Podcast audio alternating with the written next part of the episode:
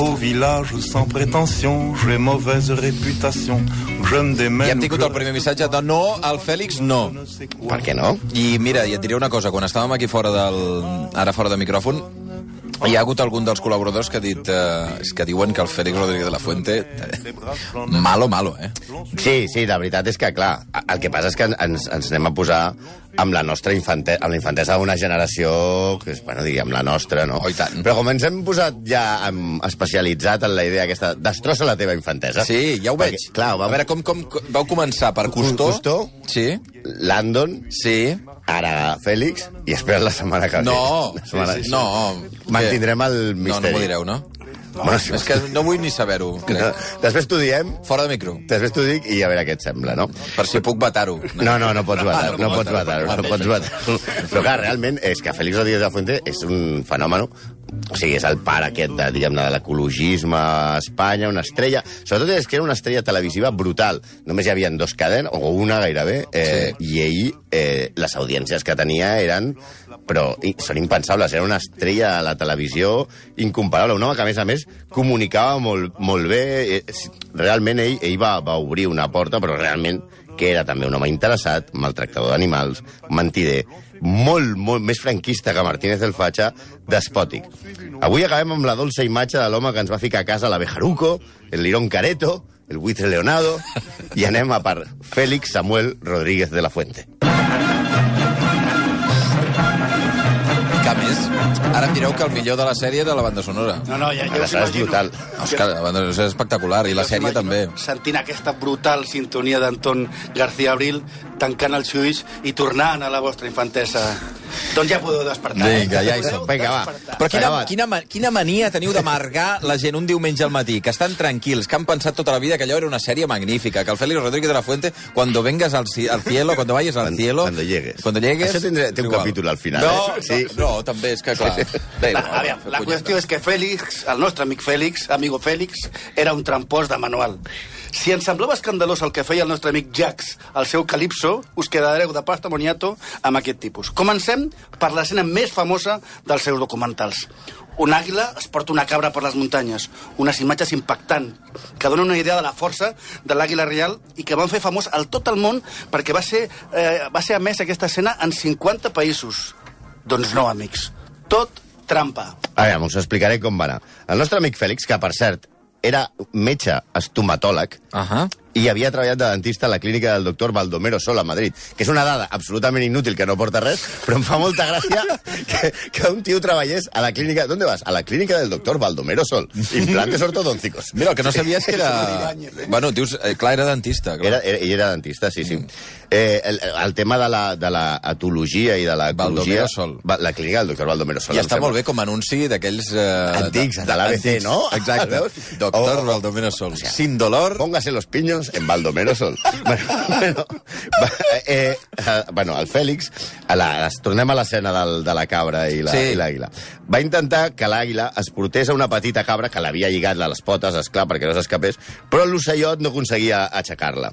Així que van agafar una altra cabra salvatge, un, que es diu un castell, un muflon, i li van treure les vísceres. Ai, Va, primer la van matar, eh? Sigui, no li van fer això de viu en viu, no? I, per fer-la més lleugera, la van omplir de palla i, la, i li van cosir la panxa. Aleshores, clar, ja no passava tant i que era lleugera. Però, clar, mentre ho feien, se'ls hi queia la cabra per un costat, per a fer aquesta escena van haver de matar quatre cabres. ai no. Hòstia.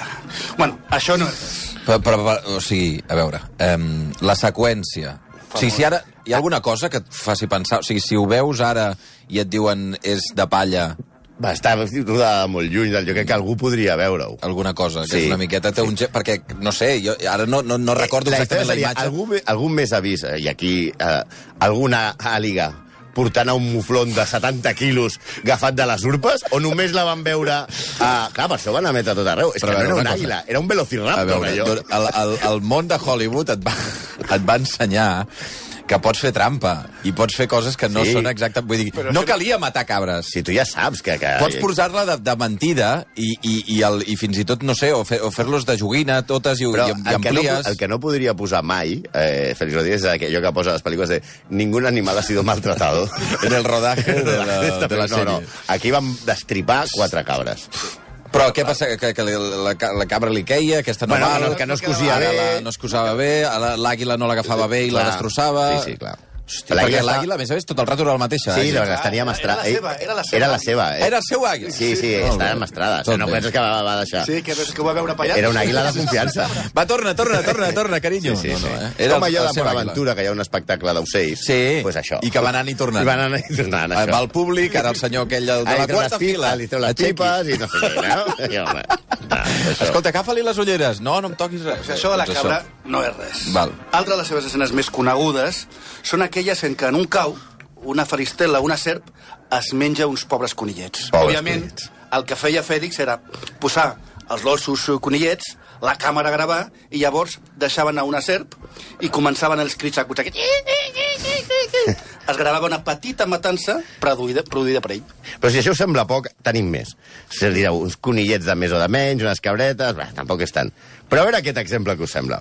El nostre doctor agafa un porc senglar Sí. i li talla els tendons de les potes perquè no s'escapi. Deixen els seus llops i grava l'escabatxada que li fan els llops en el porc senglar. Per descomptat, no només es fa una presa, i els crits del porc senglar tampoc són de l'escena. Graven tots els xiscles dels porcs senglars devorats, de totes les que van fer, per després fer servir els més dramàtics de tots. Hòstia, sí, no. diguem-ne que Félix Rodríguez de la Fuente feia snuff movies amb No. animals. Ara sí, ara amb tots els porcs senglars que hi ha a Collserola es passaria fet, el tio. Però ell, bàsicament, estava fent un càsting de mort. Sí, no? a veure Perquè- qui- a veure qui crida no me millor de gusta tots como els eh, eh, Però ja no pots fer-li repetir perquè ja s'ha mort. Clar. Clar, és un altre. I els llops allà, més, més, més això. Però primer de tot, Un mal parit, ja està, perdó. home, Eh? i tallar- i tallar-li els tendons al porc senglar. Perquè no, sí. S'ha de dir que els seus llops, que ell els havia criat de ben petits i que estaven habituats i gairebé sinistrats, estaven encantats en el seu llop alfa, que era ell, el, el Fèlix. Ell els aconseguia menjar sense esforç. Com quan van acabar amb desenes d'ovelles per explicar com els llops atacaven el bestiar. És a dir, ah, posem aquí 30 ovelles I un llop. I, se les menja, i un llop i se les menjava. També sembla ser que per, perquè no marxessin, posava eh, valles mm, electrificades. Això potser no els agradava tant als llops. El tio una mica sàdic era, eh? Una mica sàdic, sí. El llop era denostat, s'ha de dir, per la població rural espanyola i Fèlix va aconseguir canviar la percepció de la gent sobre aquest animal, però a costa de que molts pastors fins i tot l'amenacessin de mort el cèlebre, el cèlebre naturalista i que molt, o sigui, això vol dir que molt abans d'aquest programa hi havia gent que l'odiava. Rodríguez de la Fuente, sobretot, era un mestre en l'art de la falconeria, o que es diu que es diu la cetreria. Pels de l'ESO us explicarem que és com quan deixes anar l'ocell del teu amic per la discoteca a veure si veu alguna cosa, no? I després torna i t'ho explica. Com enviar un dron. Sí, tu, és- exacte, seria a com enviar un dron, a no? veure què, què hi ha. I una de les seves escenes favorites, més repetides, era posar un petit mamífer lligat a una roca, sense que es veiessin els cables, i enviar els falcons perquè se'ls mengessin i acabar amb la Però bastura. era mat, aquest home era... era el... Snuff movies. Era, esa, la, L'Hombre y la Tierra era una snuff movie. Bueno, ja hem vist que més que documentals són números de circ, no? Només falta la cabra i l'os ballant sobre un tamboret. Però us estareu preguntant, com era realment Félix Rodríguez de la Fuente? Doncs, menys les seves filles, que ens sembla dit que era un tros de pa, sembla ser que era una mica com Luis Enrique, que volia fer-se respectar a força de mala llet. Sí, es veu que té un caràcter, eh? Sembla ser que si alguna cosa sortia malament, posem per cas que un, un mufló d'aquests eh, es movia malament o se li veuen les cordes abans de ser devorat per un àguila, la tempesta de crits i d'insults feia que el Joies semblés Papà Barrufet. Un dels seus més íntims col·laboradors va ser Miguel Delibes, el fill del gran escriptor castellà. Mhm. En una entrevista que va emetre fa pocs a Salvados, a Jordi Évole, Delibes recorda la mala llet de l'amigo Félix. Cometes. Mi primer artículo me lo rompió en las narices. Vinga. Segons, segons Delibes, Félix era un home una mica peculiar. Defensava que Franco era hipogenital. Hipogenital. Hipo- Sí, pels de l'ESO, hipo vol dir petit i genital, ja sabeu què vol dir. Però, però... No, perquè realment ell, ell veia que per la sudoració a les mans i el color de la pell, ell tenia molt clar que només tenia un colló, cosa Sí. que no es podia dir a l'època. No, clar. I ell la defensava molt bé. Però ell ja veient... Sí, eh, o sigui, ell- com pensa a que ell era metge, me- ell era metge. Clar, ja Ja. detectava el tema. Però una altra de les coses que, com a metge, que això que ho fa com igual que Dani Costafreda, eh, exigia que els restaurants mengessin la carn més crua possible perquè això afavoria la masculinitat. Tots els seus col·laboradors, quan anaven a dinar amb ell, els, els obligava a menjar la carn crua perquè hay que ser muy hombre. Però crua completament. No, no, ja, una- suposo que algú li devia dir volta Perquè i a mi la sagnant ja m'està bé, eh? Pues clar, això, és- per això ets un home, si només se t'ha de veure tota, tota, tota, tota, tota, veure aquesta testosterona que, re- que cau per... Rezumes, que anaves a dir rezumes, ja ho sé. Sí, també en aquest programa, Delibes de Castro, el fill de Miguel Delibes, eh, confirma les les trampes que ens feien a les gravacions dels documentals. Diu, diu textualment. Ah, perquè ell hi era. Sí, ell era el seu col·laborador més... Val, val. Aquest de l'Ibes, el de Ives de Castro, ara és el conservador principal del Parc de Doñana. No, aquest sí que sabia d'animals, de veritat. Diu, tenia molts animals en captivitat que eren les veritables estrelles dels rodatges. Un dia, el meu pare, aquest és el de 5 hores com Mario, va anar a veure un rodatge i li va dir a Fèlix que eren molt millor les trampes que les imatges reals.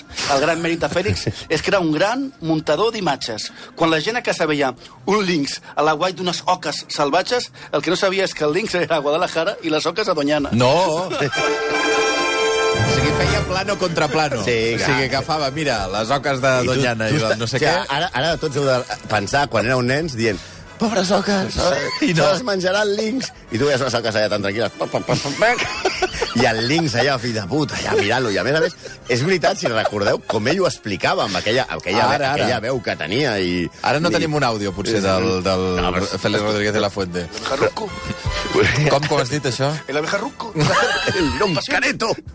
Espera, agazapado. I no passava, això. I no passava, no Sí, passava. estaven a, a gran- 200 quilòmetres de distància. Sí, sí, sí. I quan, i quan de veritat palmaven els animals és que no tenien cap opció perquè el Bueno. partit estava més amanyat. Home, clar, se li havien tallat els tendons, l'havien deixat les cames lligades. eh, les, l'havien- les, les ovelles... Sí, no, no, les, podia les fer. ovelles, bueno, que, que ja estaven mortes. Ja, I ara es direu, per què sentim aquesta música tan mitja val? Ah, espera, que tenim la veu, eh, del, del Félix... A veure. Nos vamos a ver las caras con reptiles de más de 5 metros de longitud, que pueden matar a un hombre bajo sus anillos constrictores o que pueden ¿Los? causarle graves heridas Ah. con su boca fuerte armada de dientes cónicos, numerosos y que se clavan profundamente.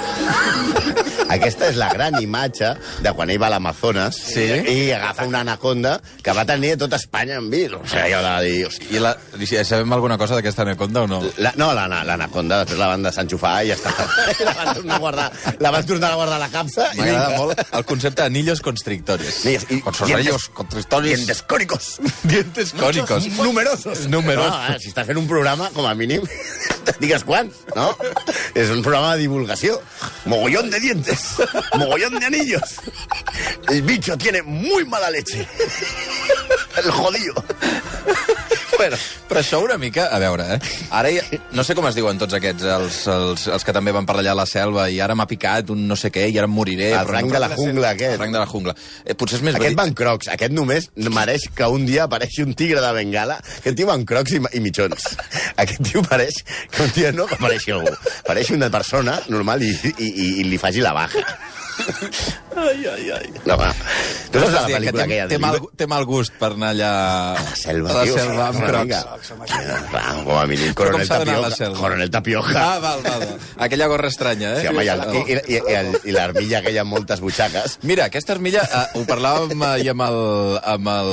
Només hi ha dues persones que sé que sempre la porten, ara mateix aquesta armilla que té com vuit butxaques, O, o, més, o, no? o deu, que són el Jordi Beltran, aquí a la ràdio, sempre va amb l'armilla, i el Sergi Pàmies. Veus? Són- Sí, el Pàmia sí que... Sí que Oi que sí? Que va amb totes aquelles Però armilles i tal. Això demostra que són persones molt intel·ligents. Sí.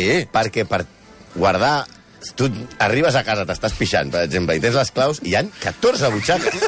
O sigui, no la trobes mai, o vols fotre un piti i no saps on has guardat el, el, el tabac. O sigui, necessites Però igual- molta paciència. Però igual, molta hi ha, memòria. molt- igual hi ha una, una butxaca sempre és la mateixa. Una has de portar un plano explicant-te on portes totes les coses. Sí.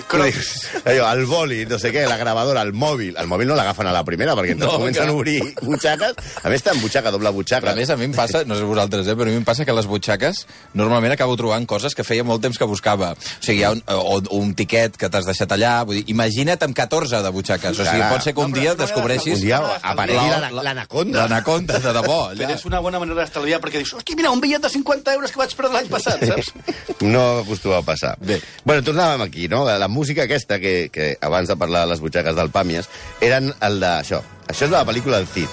Sí. Pel·lícula en la qual eh, va participar un execrable que ja fet, que és Charlton Heston, i també Félix Rodríguez de la Fuente, que va ser el que va ensenyar a Charlton Heston i el que va portar els falcons perquè a les escenes Ah. aquestes, quan van de cacera, allà el Cid, toc, toc, toc, toc, toc, toc, amb el falcó al costat, i el porta, el porta M'agrades ell. molt, o sigui, ara fas efectes especials, també. Home. Toc, toc, toc, toc, toc, toc. Et podries haver portat uns cocos, que és com es feia abans a la ràdio. Sí, els, els de Monty Python, no? El, com van els, els caballeros de la mesa Ai, quadrada. ai, ai. Però també tenia un altre amic, no? Que era Francisco Franco. Pels de l'ESO és el doctor maligne aquest baixet amb veu aflautada i hipogenital. Es conserven moltes cartes i el biògraf de... És que hi ha molta gent indignada ara mateix, és que no m'estranya. Clar, el Quim diu, eh, i la lluita amb la boa constrictor, aquella bassa de, de fang, tot tongo? Però una lluita, però quina lluita? Si li va fer una cosa, sí. Quines imatges heu vist de lluita? Sí, Perquè és el record infantil. sí home, sí que... O, o l'Eduard diu, m'estimo els animals gràcies a ell i això avui no ho podreu canviar. No, no. Mala gent. No, però...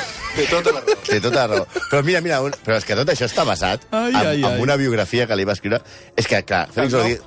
El nom, el nom del biògraf. Benigno Varillas.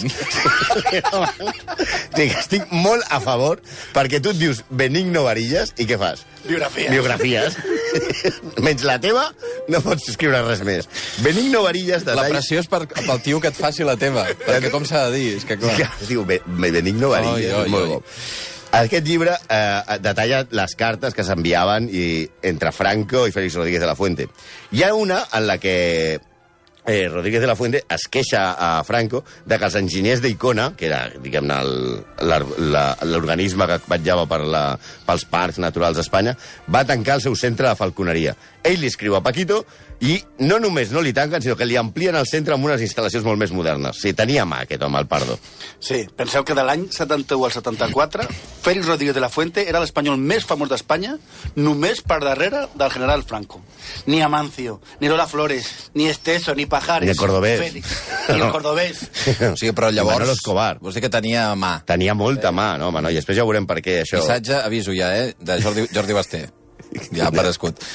No, ja després el llegeixo, després. Ella se l'acomiada... No, si, si vols ja marxem. No? No, no, no, no, sí. Està a punt de fer-vos fora, ja. Però mira, fins i tot, el 21 d'octubre de 1964 va ser protagonista exclusiu Félix Rodríguez de la Fuente de la portada de l'ABC. Saps aquelles portades que tu veus que tots els diaris parlen de més o menys el mateix? Sí. Menys l'ABC, que, que parla d'una altra cosa? Que no, però és que... Amb és una foto sencera? que no té res a veure? És mentida, ara amb el temps m'he donat. Hi ha una doble portada. Que darrere hi ha la normal. Però la, la, la, la, la primera, la portada que tu veus... Hi ha una primera això vol dir que portada. no l'havies obert mai, Molt- però... Ha- hi ha una- la hi ha una portada, portada fora. Que tu dius... Amb una foto. Comunión de comunión del hijo de la duquesa de Orleans. Bueno, pues Que... I, aquesta... la, I la normal, quan gires la pàgina, és allà. Sí. La, que, la informativa, Sí, diguem-ne. exacte, la informativa. Aquella fantástica, sortió una foto de Julen Guerrero. Hoy visita el Bernabéu el Atlético de Bilbao, el único equipo que juega con 11 españoles. Oi, oi, oi. Aquella oi. és una de les grans portades de l'ABC. Pues una altra va ser Mm. quan li van fer una foto ell amb un falcó i, pos i posava sota el titular El cetrero mayor del reino. Fins i tot el gran periodista Joaquín Soler Serrano va engegar una campanya per tant que a Félix Rodríguez de la Fuente el fessin acadèmic de la llengua. Heu de pensar que això de la RAE abans era una cosa seriosa. O sigui, no estava ni l'Ansó, ni el Cebrián, ni res. O sigui, anava gent amb, amb, amb nivell, no? Perquè defensava que, com hem sentit ara parlar, eh, Félix Rodríguez de la Fuente era el espanyol de mejor prosodia. Ara, ara. Ara anem bé. Amb una altra carta... I què és la prosòdia? O sea, expresarse correctamente en un castellano de Burgos, de Poza de Sal, concretamente. Però amb angulant. Angulando Podem mucho. tornar un moment, Mo- sisplau? de- al- Pósalo los dientes de la... Lo de los dientes cónicos. Vamos a ver las caras con reptiles de más de 5 metros. De Jo, jo t'he de dir ara amb el temps, eh? Crec que té un tel a la gola. O sigui, aquí no, això no està vibrant bé, eh? A veure... Con su boca fuerte. Saps aquell que es pren un cafè amb llet i li queda una veu així com És que igual rara? era carajillero, eh? També. Pensa que allà on vivia ell feia molt de fred. Bueno, l'espanyol con mejor presòdia. I- I una barreja con mosques, igual sí que la fotia bastant. Però anaven enviant cartes, en Franco. Sí. Sí, sí. sí una, una, en una altra carta, eh, Fèlix li escriu al dictador en referència a, a que el nou director de televisió espanyola li vol cancel·lar el seu programa. No! clar. Home, clar! Imagina't aquell home. Quin inútil. Que és. Però m'agrada molt això. Me'n volen calçar el programa. Franco, Sí, home, sí. clar, haz algo. Clar, què fa Franco? Mou, el, mou els seus fils i li donen una altra sèrie, Planeta Azul. Mm. Sembla que Félix Rodríguez... Després va venir Ah, però, verano. però va acabar... Va No, acabar ja. L'Hombre de la Terra ja s'havia acabat, per tant... Bueno, m'estic avançant. Planeta Va. Azul. Vull dir que va, va, van dir, tu sem, no, no et preocupes que tu sempre, ten, sempre tindràs un programa de televisió espanyola. Sembla que Félix Rodríguez de la Fuente es vantava de que no passava un mes entre una petició a Franco i que es produís i que les seves, eh, les seves necessitats fossin satisfetes. Però era una relació també d'anada i tornada. És com Ah, la sí? màfia, no? Quan tu li fas un favor a Corleone, Oh, ah. ell te'l fa, però un dia tu m'hauràs de tornar el favor. Oh, clar. I un dia Franco li va demanar a Félix Rodríguez de la Fuente que li fes de missatger i que li regalés al rei Sad d'Aràbia Saudí dos falcons ben guapos com, com a regal un present de, de l'estat Sí, espanyol. Franco li va anar i li va dir Félix, ¿Tú qué sabes de halcones? Hay, hay al- el rey este que nos está dejando la pastuqui, re- que le Mándale, mándale algo. No, no, i va anar ell a- a- amb, amb, amb dos falcons i hi ha unes imatges del nodo i Félix Rodríguez de la Fuente sube en estos momentos al avión Hércules de la Fuerza Aérea Española al- a- rumbo a Riad Oh. donde... I, I, però els falcons són els seus, eh? Sí, sí, els va criar ell. Sí, Ah, també? Sí, sí, sí. sí. Sí, li va dir, agafa't dos dels teus falcons. Perquè eh, en el que era realment bo ell era amb els falcons. Amb, i, amb, I parlant. I, parlant, I parlant amb el cafè amb llet. Els falcons, quan va fer l'Emili, va aconseguir que re reintroduís a la seu, on feia ell l'Emili, la cetreria. Un altre cop, la falconeria, sí, sí. No, I a més, l'inva- el que posa... Els Ah, perquè era, una, era gairebé una, una part de l'exèrcit. Sí, que Ho havia tingut abans, an- s'havia perdut, antigament i s'havia perquè El que torna a posar els falcons als aeroports perquè es carreguessin les palmes va ser, Sí. va ser idea seva. Hosti. Bueno, però s'ha de dir que només, només amb els dictadors tenia mà, perquè un cop mort eh, Franco, aquest doctor maligne petit, eh, seguia tenint mà a les altes esferes. Segons explica Varillas, Varillas, és que Home, clar, Varillas. Palabra de varillas. Varillas. Me voy de varillas. ell no tenia mm, prous fons públics per la seva expedició a Alaska, que per cert va ser l'última, i no sabia com treure els calés, i va parlar amb el rei Joan Carles i els fons es van desbloquejar instantàniament. I sembla que l'únic que li preocupava era la seva carrera i anar a seguir progressant. No tenia aficions ni vicis, i per aquí sí que no passem, ni molts amics. Vaja, també devia ser un tio bastant, bastant avorridot, eh? Ara, ara. Ara, vinga, tots junts, vinga. Jo veus, em quedava aquí. Què passa quan llegues al No, cielo? és que no comença així, eh? Ah. De fet, comença quan diu la cabra le ha dicho al ratón que es no sé qué, que se ha muerto y está más triste el sol o una cosa d'aquesta. Ah, ara buscarem una, el una, principi. una verdadera escombraria de... No, escolta, escolta, fes el favor, la quantitat de gent que, que va cantar-ho, això. Ara buscarem el principi. A veure, espera, deixa'm sentir, a veure què, què diuen. I la osa mayor. Ui, l'ossa major. Que, tota la lletra era d'animalons. Sí, És que ara veurem la lletra, mira. El cuco. una gran veu tenia Anna, eh? Perquè aquesta és Anna, no és Enrique, eh? Ja voldria ell. No.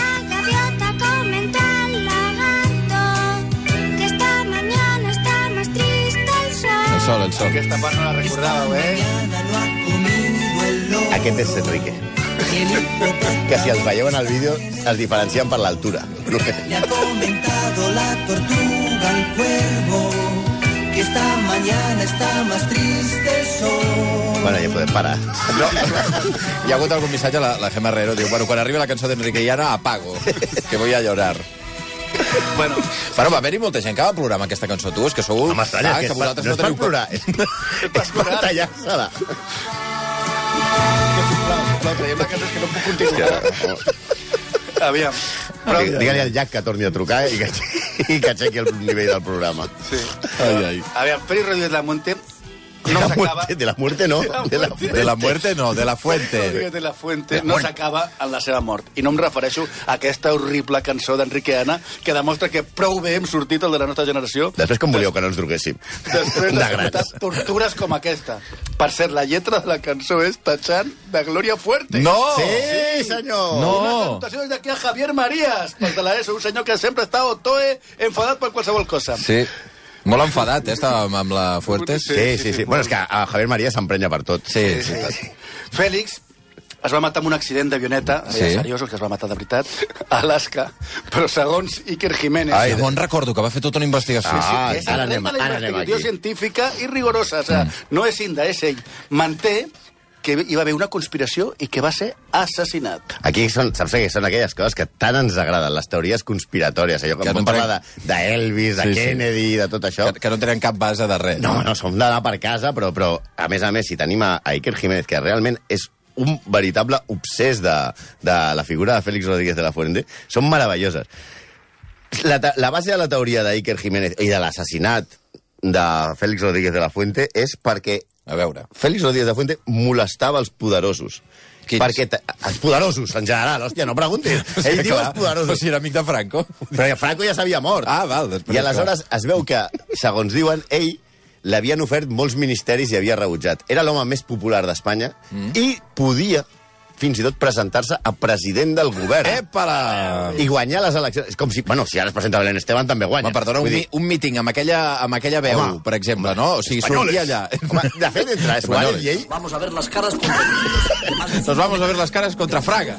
aquest sí, ah, tu li proposes un... Ref... No hi ha collons de proposar-li un referèndum a Félix Rodríguez de la Fuente, eh? No, no, perquè et veu perquè el Falcó. Rajoy el veus així, com mig així, però Félix Rodríguez de la Fuente, a més a més, amb el llop A al costat, que, que, crua. que semblaria un Stark. O sigui, o sigui, quan van amb els guardos, o sigui, el, el president del govern espanyol amb els llops allà, sentat, i los halcones i, i los reptiles de los muchos dientes, no? Com a interlocutor a Moncloa hagués estat complicat, Sí, efectivament. home, no hi ha collons Fuente. Puigdemont d'anar a parlar amb el, Amb el- amb el Félix Rodríguez de la Fuente. Però, segons el documental, Oh. que aquest documental és encara menys seriós que el de Félix Rodríguez de la Fuente, Félix ja anava preocupat al viatge a Alaska. Ho demostren testimonis com el del periodista Santiago Peláez, que el van Com que anava preocupat? Ara t'ho explico. És que clar, és que... Ell és sabia que estaven a parell. Ell sabia Alguna que... passava, que el va entrevistar pel mític programa 600 sí, 625 línies. I no, no era un programa de Telecinco, era de, era de televisió espanyola. Si no entenés l'acudit, canvieu línies per ratlles. Va, Sí, va, pillareu. va, oh, sisplau, tu, és que de debò, tu. Peláez explica en el programa que a la seva última entrevista Fèlix estava desconegut. Vam haver de repetir l'entrevista perquè s'equivocava constantment. I això a ell no li passava mal, ja hem vist com parlava, no? Ell es menjava la càmera, era, era un tio que et mirava els ulls. I ell sabia que alguna cosa li preocupava. Bueno, per sustentar la teoria, diguem-ne, de l'assassinat, és una mica patillero, eh? Sí. Per, per sustentar aquesta teoria de la, de la conspiració, Eh. és tot molt patiment. Potser tenia ressaca, eh? en això nosaltres som els mestres.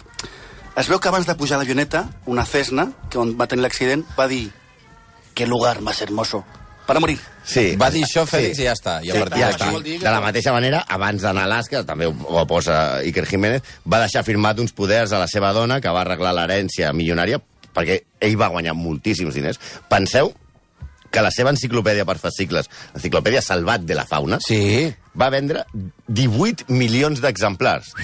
Tenint en compte que a Espanya en aquella època vivien uns 40 milions de persones, vol dir que gairebé hi havia una a De cada, cada casa, a cada casa, o gairebé a, a O gairebé més, o més d'una. Exacte. Sí, no, tenir dos enciclopèdies. Per això ha sortit Espanya un país tan culte, collons.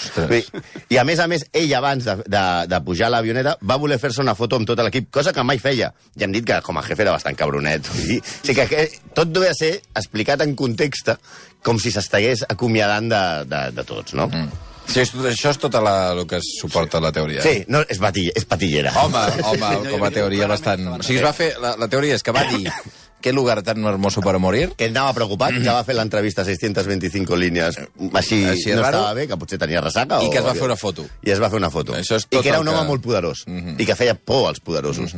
Ah, i també perquè abans havia, una altra cosa que també explicaven, que dies abans de marxar l'últim viatge havia fet com una mena de, de, de manifest davant del rei d'Espanya i del president del govern, en el qual eh, ja anunciava el canvi climàtic. Ah, I que aleshores les empreses petrolieres, com si els importés un colló el canvi climàtic, s'havien carregat. Espanya havia dit que havia arribat el canvi climàtic. Mm. Bueno, en fi. Una gran amenaça, eh? Avisar del canvi climàtic. Home, ja s'ha vist. Veremos No, més- caras con los reptiles. Sí, sí, I ell, exacte. que era un valiente, a pesar de tot, va anar igualment a Alaska sabent que moriria. Clar, tot té molt sentit. Tot molt. Bueno, el seu enterrament a Poza de la Sal va ser multitudinari, ja us podeu imaginar. Tothom, tota Espanya va plorar, eh?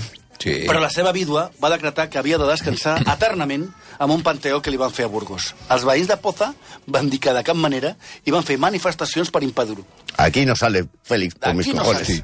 Tan Ni que tens- ho digués la dona. No, no, No, no. no. Va ser tan tensa la situació que el trasllat del cadàver es va fer de matinada i amb protecció policial. No fotis. Sí, sí, la gent estava molt en contra. La- L'alcalde va mobilitzar el poble i va dir que d'aquí d'aquí Fèlix no sale. Doncs pues sí, va sortir. Per tot Espanya sí que queden molts monuments que el recorden. Si aneu a qualsevol parc nacional... També li van fer un monument a, a Alaska al punt exacte on va estavellar-se l'avió. Però no aneu a buscar-lo perquè no el trobareu, perquè amb la sensibilitat aquesta yanqui, l'altre eh, fa dos anys van fer una carretera que passava per on hi havia el monument i, es, No. van, i es van carregar el monument. Ho, ho dius de debò? Sí, sí, sí. O sigui, el monument de Félix Rodríguez Sí, de la Ponte com- ha, sí. Ha passat ara un, una, una Ara- ara carretera per passarà. allà? El quilòmetre 429 Sí, de sí. la Han, han, autopista. han Oh. posat un Wendy's i pots menjar-te una hamburguesa. Vull dir. De debò, eh? Sí. El record de la història, eh, sempre. I a Espanya ell va muntar una, una sèrie de fundacions. El seu llegat tampoc és que es mantingui massa net, perquè la seva fundació, que porta les seves filles, s'ha arruïnat absolutament i han hagut d'acomiadar els treballadors. Per què? Perquè van fer negocis amb Alfonso Rus. No. Us en recordeu aquell de 1.000, 2.000, 3.000, 4.000, 12.000, 2 milions de peles? Dos milions de peles. Aquest i amb Marcos Benavent, el yonqui del dinero, l'home que aquest després es va convertir en hippie. Tot bé. pues aquest, al final, és el que ha acabat amb Fèlix Rodríguez de la Fuente, i no nosaltres. Ai. És que ara estic veient l'encierro d'avui, mira, estan passant per televisió espanyola, Mira, i penso, noi, Ah, Félix Rodríguez de la Fuente, Què? sí, estava contra els toros. Era caçador i tal, però estava contra els toros. Bueno, clar, perquè és que, és que jo crec que havia passat com un gran animalista.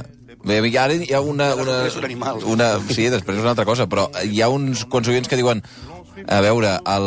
Espera't, eh, que estic buscant, ara no trobaré el missatge. Diu, jo sóc biòleg també per culpa de, del Félix Rodríguez de la Fuente. no, molta, no, molta gent, això que diu aquest, aquest Sí? client, ja es va fer una enquesta a, a les facultats de Biologia i més del 60% d'una certa generació ho eren per Fèlix i per Custó. És que clar, no és que una cosa no treu l'altra. Va aconseguir fer grans coses, però per culpa de fer-les fatal. No, fatal, era la, ma- la Home, manera que es feia. fatal. A veure, que ara, després d'explicar-me tot això, em diguis que no era fatal, que li tallava els tendons allà a les cabres i, i, el, i, els, Sí, porcs, i era els porcs. Era un fill de puta, però Val. va fer molt de coses. Molt bé, molt maco tot. Ai, missatge de Basté, aneu a fer punyetes eh, indecents esclafamites. Hi ha gent que demana ja que feu el... A veure, que feu els barrufets, que feu la gallina capotnata i no sé quin més altre. Bé, eh, Comencem el deliri, eh? hi ha, ah, no, hi ha un altre oient que diu la teoria del corp negre volant sobre l'avioneta Alaska. També. També- I, i una, sí, aquesta també sembla més patillera. Clar, també hi ha una altra que diu que, que els pilots d'avioneta a Alaska són els millors del món i que no poden tenir accidents. Mm. I que també va canviar d'avioneta en l'últim moment, anava a pujar No poden una... tenir accidents, ja està. No, no, va, això eren els no millors. Poden. No, No, va. no poden, és impossible. És Alaska? No. És Alaska. El Gregori era el missatge. Jo em vaig fer biòleg per Rodríguez de la Fuente i per Custó. Veus? És que no, no. Eh, Era el duet, molt- eh, perquè a més van coincidir en el temps o no? Sí, sí, sí, sí, la, a la televisió. Diu execrables i al mateix temps grans divulgadors. Bé, ens acostem a les 11 en punt del matí. Eh, exec- execrables, moltíssimes gràcies. Espera't no, la setmana que ve. No, és que crec que mm, tindrem festa la setmana que ve o És alguna cosa, o em l'últim- malament. El de la setmana que ve és l'últim? No, encara no. Ah, no vale. encara no. Penúltim. Penúltim, vale. Mm. Hombre, he dicho que era el otro. Les, ens acostem a les 11 en punt del matí. Eh, senyors, moltíssimes A gràcies. Tout le monde viendra me voir pendu, sauf les aveugles, bien entendu.